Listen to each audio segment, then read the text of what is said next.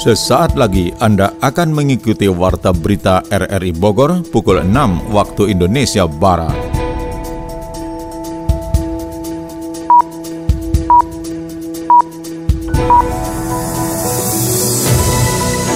Selamat pagi, salam jumpa. Kami hadir kembali dalam Warta Berita edisi hari ini, Selasa 19 September 2023. Berita utama pada pagi hari ini adalah penggugat dan tergugat perkara ujaran kebencian terhadap Presiden Jokowi sepakat menggelar debat terbuka di Pengadilan Negeri Cibinong. Belasan remaja yang kedapatan membawa senjata tajam dan minuman keras di gelandang ke kantor polisi saat hendak melakukan tawuran. Jembatan Cikaratek Bogor ditutup selama satu minggu ke depan. Saya Maulana Starto, Inilah warta berita selengkapnya. Pencemaran Sungai Cilengsi dan Cikeas diduga berasal dari limbah pabrik. Pemerintah Kabupaten Bogor kesulitan untuk menutup pabrik pembuang limbah yang mencemari sungai itu. Selengkapnya dilaporkan Yofri Haryadi. Pencemaran Kali Cilengsi dan Cikeas Kabupaten Bogor tidak selamanya harus menjadi beban pemerintah daerah. Para pemilik bangunan di garis sepadan dan pembuang limbah ke sungai juga bertanggung jawab kepada masyarakat dan Balai Besar Wilayah Sungai Ciliwung Citarum Kementerian LHK. Hal itu disampaikan Bupati Bogor Iwan Siawan terkait laporan pencemaran Sungai Cilengsi dan Cikeas yang kembali dikeluhkan warga di sepanjang bantarannya. Bupati Iwan Setiawan menegaskan tidak bisa mengambil langkah sendiri untuk menutup pabrik pembuang limbah atau sambungan pembuang limbah yang mengarah ke aliran sungai tersebut. Instalasi pengolahan limbah wajib dimiliki perusahaan di timur Kabupaten Bogor. Begitupun perusahaan, perusahaan khusus mengelola limbah produksinya. Pengawasan dan regulasi dalam mengatur perkara itu pun tidak tidak semuanya di tangan Pemkap Bogor yang juga harus menjaga stabilitas investasi di daerahnya. Sungai-sungai ini, nah ini sedang di, di, dialihkan atau gimana? gimana? Pipa pembuangannya itu. Nah ini kan ada pengolahan limbah, Pak. Hmm. Itu yang saya sedang cari. Kalau nutup gampang lah, tapi saya memohon waktu ya. Saya juga tidak diam, saya juga memantau dan saya juga uh, dengan para pengusaha itu mungkin hari ini ada pertemuan ya. Kalau tidak salah itu. Nah ini jangan kita ngambil tutup ya bisa lah gampang tutup. Tapi kan ya ini kan ini nasional juga ya kalau Bogor. Kalau pabrik itu ditutup, ya mungkin ke depan kami ingin ada komitmen ya dari pengusaha itu. Kita sepakat bersama lah kalau memang dianggap ini me, apa mencemari, nggak usah disuruh lah tutup sendirilah gitu. Oh, saya nggak usah turun ini udah tahu pak. Oh. Saya udah turun pak. Oh, Tapi kan kayak gitu, nggak perlu lah seremonial kita lihat pabrik yang begitu. Kita udah tahu kok kita diukur dari mulai Citerep ya, oh. Citerep, Gunung Putri, Cilengsi, kita udah ukur, udah udah susur pak. Saya udah dapat video dari teman-teman, coba lihat pabrik yang mana, Terinspirasi dengan Satgas Citarum, Pemkab Bogor berharap ada Satgas khusus terbentuk TNI dan masyarakat dalam menjaga kelestarian sungai Cilengsi dan Cikeas yang bermuara ke Teluk Bekasi. Pasokan PDAM warga di Kabupaten Bekasi berasal dari aliran sungai ini yang mereka sebut dengan Kali Bekasi yang kini sudah tidak dapat dikelola karena tingkat pencemarannya yang sangat tinggi. Kondisi itu pun menjadi atensi Komisi 5 DPR RI Mulyadi merencanakan pembangunan Satgas khusus di aliran sungai tersebut dengan agenda utamanya normalisasi sungai. Dan insya Allah akan kita tindak lanjuti dengan menyampaikan dan mengingatkan kepada kementerian supaya segera menghadirkan kebijakan dan anggaran yang diperlukan sehingga kesulitan-kesulitan warga ini bisa segera teratasi. Sungai Cilengsi dan Cikeas pada saat hujan mengakibatkan banjir genangan, terutama di desa Bojongkulur, Kecamatan Gunung Putri, dan di saat kemarau seperti saat ini menjadi genangan limbah cair pabrik dengan bau menyengat berwarna hitam, berbusa serta menjadi sarang lalat dan penyakit. Sementara itu, Ketua DPRD Kabupaten Bogor meminta aparat penegak hukum mencari dan menindak oknum dari perusahaan yang membuang limbahnya ke Sungai Cilengsi. Sony Agung melaporkan. Keluhan warga terkait adanya dugaan pencemaran Sungai Cilengsi menjadi perhatian Wakil Rakyat Kabupaten Bogor. Saat ini pencemaran Sungai Cilengsi sudah sangat mengkhawatirkan dengan adanya ekosistem yang rusak, ditandai ikan yang mati dan habitat yang rusak. Ketua DPRD Kabupaten Bogor Rudi Susmanto menjelaskan upaya pemerintah daerah dalam menertibkan pencemaran sungai lingkungan harus berlangsung secara optimal. Perangkat masyarakat harus bisa mengatasi pencemaran lingkungan berjalan sesuai dengan aturan sehingga penindakan secara aturan hukum bisa berlangsung oleh oleh Dinas Lingkungan Hidup. Kita kemarin diisi oleh PLT Bupati Bogor, di mana kewenangannya kita ingin segera mengisi beberapa pemangku kebijakan jabatan kosong harus seizin tertulis dari Menteri Dalam Negeri. Tapi sekarang sudah definitif Pak ya? Dan sekarang pun pada saat sudah definitif, aturan ada sebuah aturan juga yang mengatur bahwa enam bulan sebelum berakhirnya jabatan tidak boleh mengambil kebijakan strategis tanpa izin tertulis dari Menteri Dalam Negeri sebetulnya sama.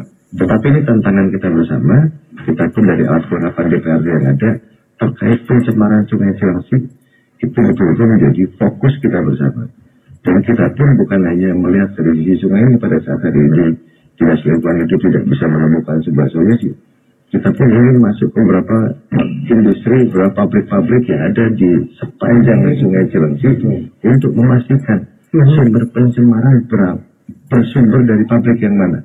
Selanjutnya DPRD juga meminta aparat penegak hukum bisa melakukan penegakan aturan dengan mencari pelaku pencemaran lingkungan bahkan menangkap pelaku yang membuat rakyat menjadi susah. Penelusuran pencemaran Sungai Cilengsi harus berlangsung secara optimal karena banyak pengusaha yang ternyata membenamkan saluran air di bawah aliran sungai sehingga terlihat tidak ada pencemaran. Lokasi Cilengsi pada saat kita susuri bandaran Sungai Cilengsi tidak jauh limbah tapi pada saat hujan besar, air naik, malam hari, tiba-tiba pagi air sudah berubah warna kembali. Kita, kita mencoba mencari beberapa saluran pembuangannya sebelah mana. Salurannya disampaikan bahwa salurannya bukan di permukaan air, tapi di dalam.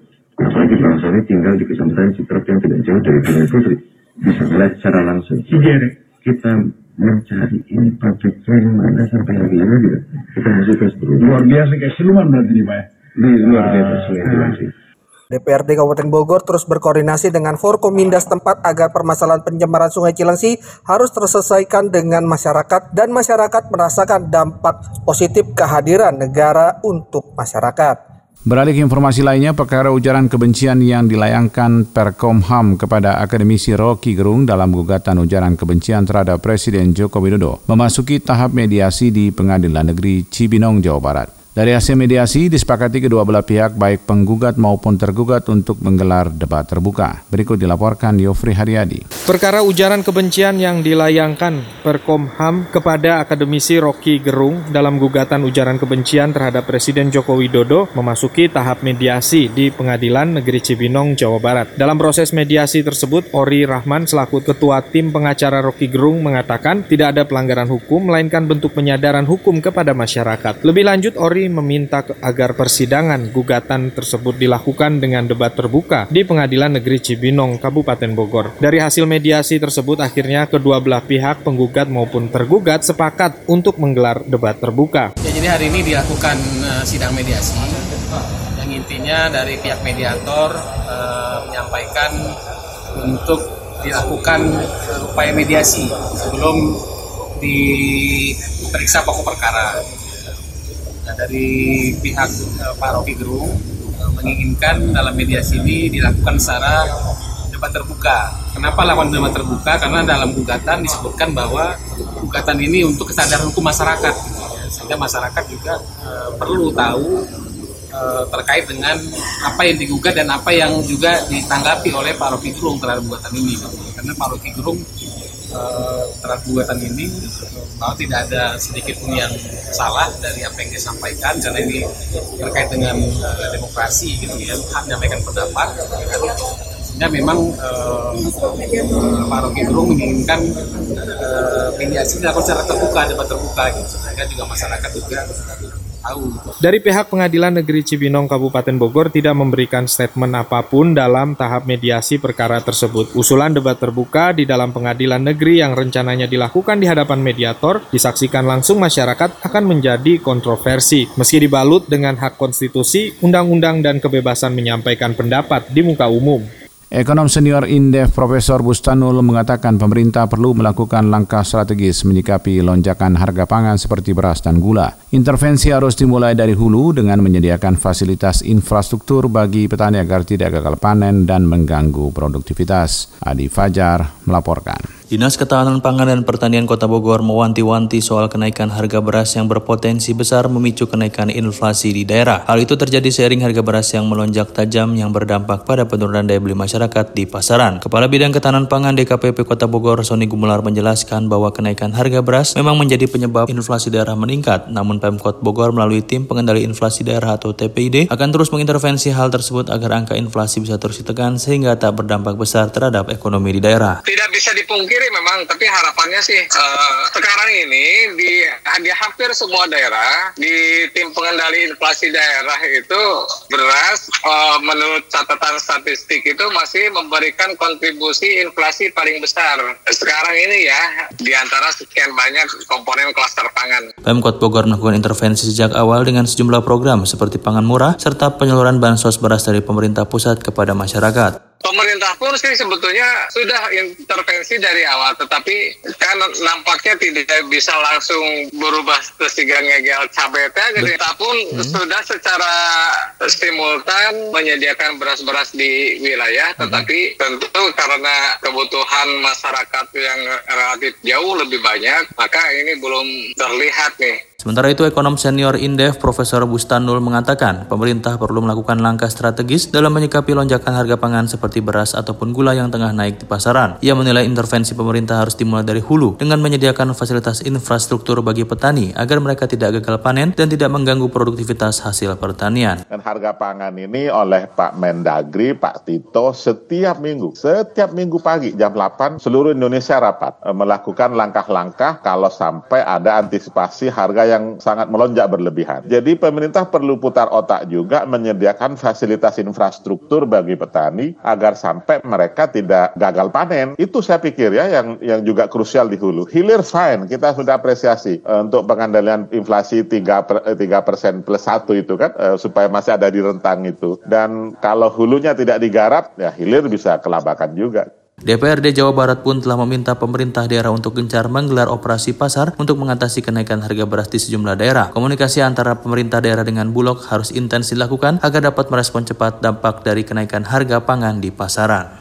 Sebelas orang remaja digelandang ke kantor polisi saat hendak melakukan tawuran di ruas Jalan Ciseeng, Parung, Kabupaten Bogor. Belasan remaja itu diketahui membawa senjata tajam dan minuman keras dalam aksinya. Yofri Haryadi melaporkan. Sebelas remaja digelandang ke kantor polisi saat hendak melakukan tawuran di ruas Jalan Ciseeng, Parung, Kabupaten Bogor. Belasan pelajar tersebut ditengarai sudah merencanakan aksi keributan pada Senin dini hari di kawasan itu dan ternyata bukan peristiwa pertama terjadi di kawasan itu. Kasih Humas Polres Bogor, Ibtu Desi Triana mengatakan 11 remaja yang diamankan di ruang tahanan Polsek Parung Polres Bogor diketahui membawa senjata tajam dan meminum minuman keras dalam aksinya. Tiga sekira pukul 1 dini hari eh, di mana piket reskrim dan piket patroli telah mendapatkan laporan aduan dari masyarakat uh, di mana telah mengamankan 11 orang remaja yang diduga akan melakukan aksi tawuran di Jalan Raya Ciseeng, Desa Babakan, Kecamatan Ciseeng, Kabupaten Bogor. Uh, dari hasil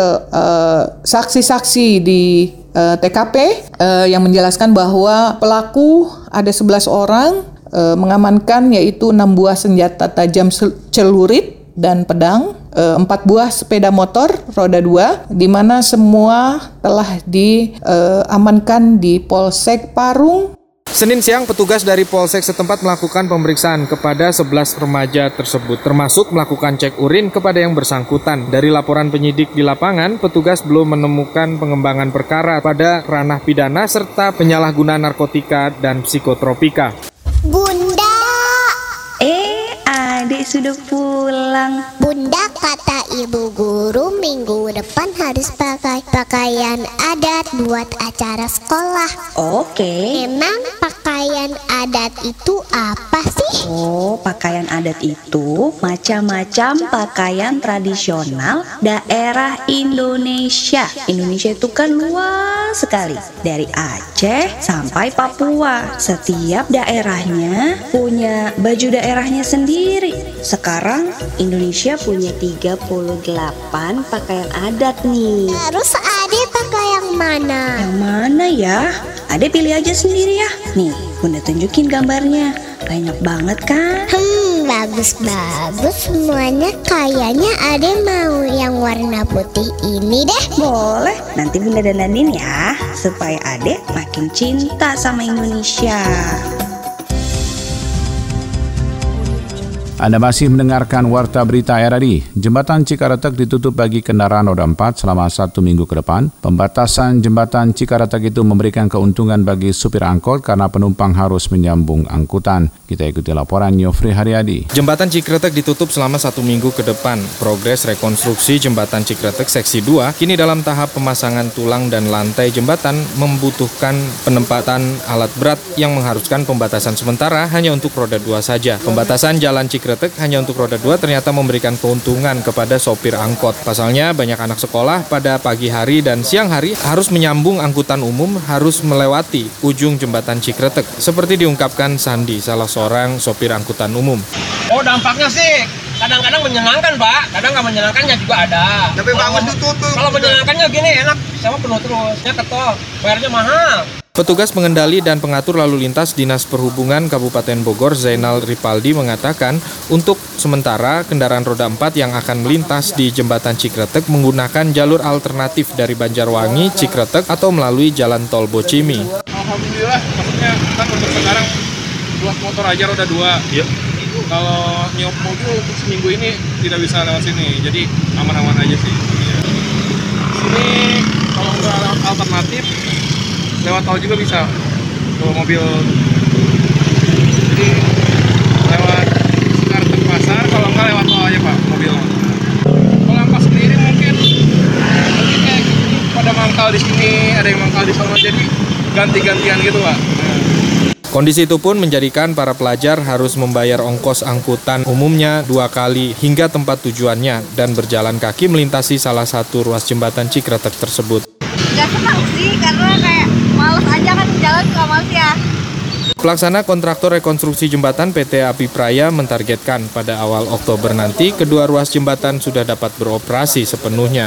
Objek wisata di Gua Gudawang Ciguda Kabupaten Bogor memprihatinkan kondisi gua yang sudah ada sejak tahun 1993 itu tidak terurus dan tidak ramai lagi dikunjungi masyarakat. Bahkan jalanan menuju gua rusak. Sony Agung melaporkan. Kawasan Gua Gudawang di Ciguda Kabupaten Bogor mempunyai sedikitnya tiga goa yang dibuka seperti si Menteng, si Pahang, dan si Masigit. Saat RRI mendatangi kawasan Gua Gudawang ternyata tidak seperti objek wisata lainnya dengan jalan yang rusak dan kondisi fasilitas yang tidak memadai. Petugas penjaga Goa Gudawang Hilmi menceritakan bahwa goa tersebut sudah ada sejak tahun 1993 dan terus eksis hingga saat ini. Namun saat ini kondisinya tidak ramai seperti masa sebelum COVID karena banyak masyarakat tidak lagi mengunjungi mengunjungi kawasan objek wisata alam tersebut. Menurutnya harus ada inovasi dalam pengolahan objek wisata dengan adanya tambahan fasilitas wahana bermain dan menginap sehingga masyarakat bisa mendapatkan nilai lebih saat berkunjung ke lokasi tersebut. Luarnya itu apa? Itu tempat selfie atau campingon atau rumah pon apa dan sebagainya kan.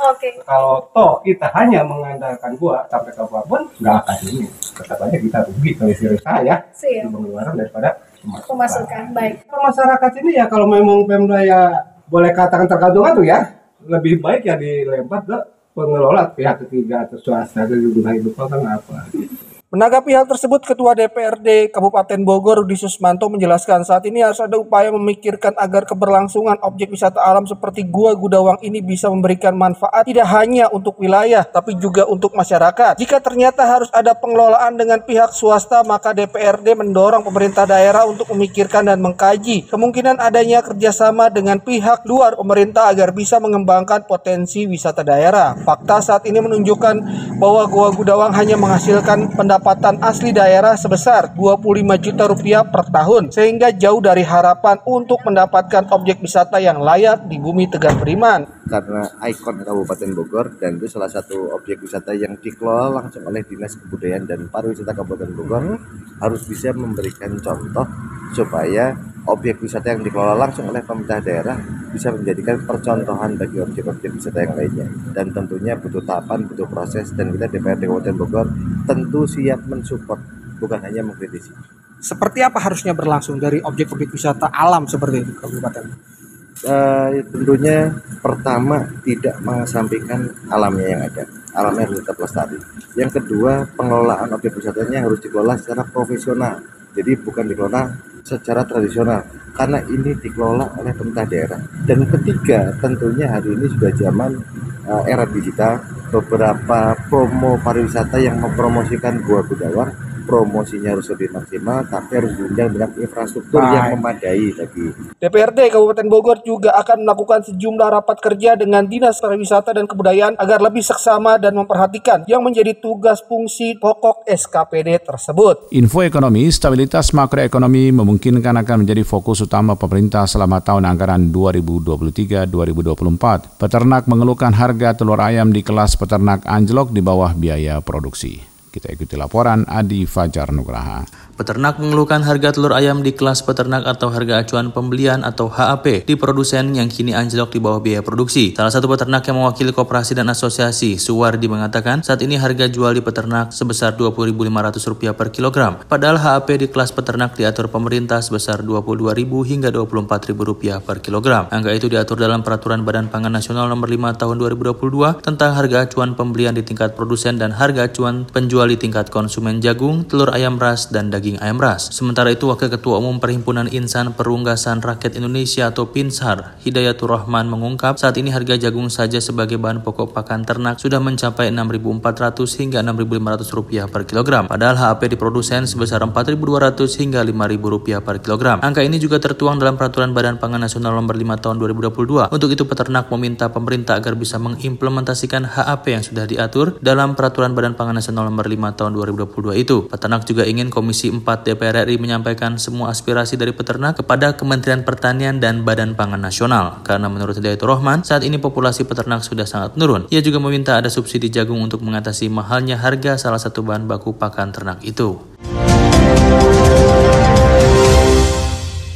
Stabilitas makroekonomi kemungkinan akan menjadi fokus utama pemerintah selama tahun anggaran 2023-2024. Berbagai kondisi terutama terkait dengan tahun politik berpotensi menjadikan stabilitas makroekonomi sebagai prioritas utama pemerintah. Stabilitas makroekonomi sering kali diyakini akan menjadi penentu terhadap terwujudnya stabilitas sosial dan stabilitas politik. Dari catatan Reforminer bahwa salah satu prioritas pemerintah pada tahun anggaran ini adalah mencapai stabilisasi makroekonomi. Besaran defisit APBN paling tinggi sebesar 3% dari produk domestik bruto atau PDB akan lebih berpeluang untuk dapat dicapai jika terjadi stabilitas makroekonomi. Dengan stabilitas makroekonomi dan pertumbuhan ekonomi yang lebih baik, penerimaan pajak berpotensi dapat lebih besar meskipun tax ratio masih relatif sama. Meningkatnya penerimaan pajak secara relatif dapat menurunkan defisit APBN. Reforminer juga memproyeksikan kebijakan harga energi murah atau kebijakan harga energi yang diberlakukan seperti saat ini kemungkinan masih akan digunakan sebagai salah satu instrumen utama untuk mencapai stabilitas makroekonomi sampai dengan akhir tahun anggaran 2023 bahkan dapat berlanjut untuk tahun anggaran 2024. Jika mencermati asumsi makro energi yang ditetapkan dalam APBN, kebijakan harga energi murah kemungkinan masih akan tetap dipertahankan. Hal tersebut di antaranya tercermin dari asumsi volume BBM subsidi, volume LPG subsidi, dan nilai subsidi listrik pada APBN 2023 dan 2024 yang justru tercatat lebih tinggi jika dibandingkan dengan asumsi APBN tahun 2021-2022. Info olahraga, Timnas U24 bakal berlaga di Asian Games 2023 dengan menghadapi Kirgistan, Taiwan, dan Korea Utara. Lanut Atang Sanjaya melakukan sosialisasi olahraga dirgantara melalui berbagai event. Informasi selengkapnya bersama Ermelinda. Timnas Indonesia U24 bakal berlaga di ASEAN Games 2023 dengan menghadapi Kirgistan, Taiwan, dan Korea Utara. Timnas Indonesia U24 bakal berlaga di cabang sepak bola ASEAN Games 2023 di Hangzhou, China. Tim Garuda tergabung di grup F bersama Kirgistan, Taiwan, dan Korea Utara. Tim Garuda tampil di bawah arahan Indra Syafri. Indra Syafri awalnya memanggil 22 pemain untuk mengarungi ajang ini. Namun Ramadan Sananta tak bisa bergabung. Hal ini terjadi karena klub Sananta Persis Solo menolak melepasnya ke ASEAN Games. Persis sangat membutuhkan tenaga Sananta karena tengah mengalami krisis penyerang. Indonesia masih akan mengandalkan para pemain yang meraih MASI Games 2023 di ASEAN Games seperti Hernando Ari, Rizky Rido, Bagas Kava, Ananda Raihan, hingga Alveandra Dewangga. Tim Merah Putih akan memulai kiprah di ASEAN Games 2023 dengan menghadapi Kirgistan di Zhejiang Normal University Stadium pada hari Selasa 19 September 2023. Mereka kemudian berjumpa Taiwan 21 September, lalu Korea Utara 24 September di tempat yang sama. Juara dan runner-up dari grup A hingga F bakal lolos langsung ke babak 16 besar. Sementara empat tim lainnya diambil dari peringkat tiga terbaik. Indonesia selalu mampu lolos ke 16 besar dalam dua edisi terakhir ASEAN Games yaitu 2014 dan 2018. Torehan tersebut menjadi hasil terbaik Indonesia di ajang ini. Pembina olahraga Dirgantara Lanut Atang Sanjaya melakukan sosialisasi apa itu olahraga Dirgantara melalui beberapa event. Dalam kegiatan ini, masyarakat bisa melihat langsung apa saja yang ada di dalam olahraga Dirgantara. Ada banyak jenis olahraga Dirgantara atau aerosport yang bisa masyarakat kenal, dari menerbangkan drone hingga terbang dengan baling-baling kipas angin. Beberapa olahraga tersebut di antaranya saja aeromodeling, para layang, terjun payung, gantole, dan drone. Semua olahraga ini dinaungi cabang olahraga Dirgantara. Kapten Edi Riswantoro selaku pembina olahraga Dirgantara di Lanut Atang Sanjaya mengatakan tidak banyak yang tahu apa itu cabang olahraga Dirgantara terlebih di kalangan masyarakat luas. Dalam hal ini Kapten Edi menjelaskan melalui beberapa event keolahragaan cabang olahraga ini akan terus mengambil bagian untuk mengenalkan dan memberikan edukasi mendidik kepada masyarakat. Mereka uh, apa yang di, dari ATS yang dipunya dari ATS untuk uh, militernya juga untuk olahraga Dirgantara karena kebetulan uh, TNI Angkatan Udara dalam rangka hal ini ATS itu uh, membawai beberapa olahraga dirgantara di bawah pasi aeromodeling, para layang, para motor, dan microlight. Alhamdulillah sambutannya bagus karena memang uh, di samping misi kita juga untuk mensosialisasikan olahraga dirgantara. Kapten Edi Riswantoro mengatakan ke depannya diharapkan olahraga dirgantara ini sudah semakin banyak peminatnya dan juga semakin banyak bibit baru yang bertalenta bisa ikut ambil bagian dalam cabang olahraga ini. Kapten Edi juga berpendapat penyebaran olahraga ini bisa semakin luas jika peran serta orang tua juga penting dalam membantu mensosialisasikan olahraga ini kepada anak-anaknya. Sementara itu menurut Bupati Kabupaten Bogor, dukungan orang tua terhadap dunia olahraga prestasi sangat dibutuhkan selama anaknya masuk di dunia keolahragaan. Orang tua atlet memiliki peran besar dalam perkembangan olahraga prestasi prestasi di bumi Tegar Beriman. Hal tersebut disampaikan langsung Bupati Bogor Iwan Setiawan. Menurut Iwan Setiawan, peran orang tua dalam mengembangkan kemampuan yang dimiliki atlet sangat berperan penting untuk meningkatkan dan mengembangkan kemampuan yang dimiliki atlet. Yang memodali uh, anaknya berprestasi di bidang olahraga seperti tenis, catur, ya. Uh, apalagi ya kayak bulu tangkis itu kan besarnya bukan di klub, tapi dukungan orang tua. Nah ini juga menjadi perhatian pengcap terhadap uh,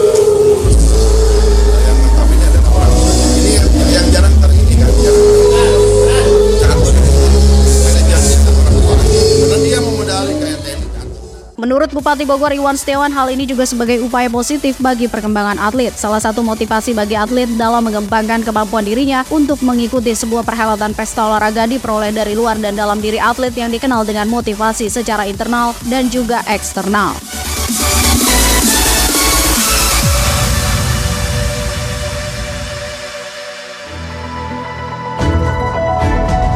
Demikian rangkaian informasi yang kami hadirkan di Warta Berita RRI Bogor pagi ini. Sebelum berpisah, kami kembali sampaikan berita utama. Penggugat dan tergugat perkara ujaran kebencian terhadap Presiden Jokowi sepakat menggelar debat terbuka di Pengadilan Negeri Cibinong. Belasan remaja yang kedapatan membawa senjata tajam dan minuman keras di gelandang ke kantor polisi saat hendak melakukan tawuran. Jembatan Cikaratek Bogor ditutup selama satu minggu ke depan. Saya Molanes Narto. Bersama tim bertugas pada hari ini mengucapkan terima kasih atas perhatian Anda. Selamat pagi dan sampai jumpa.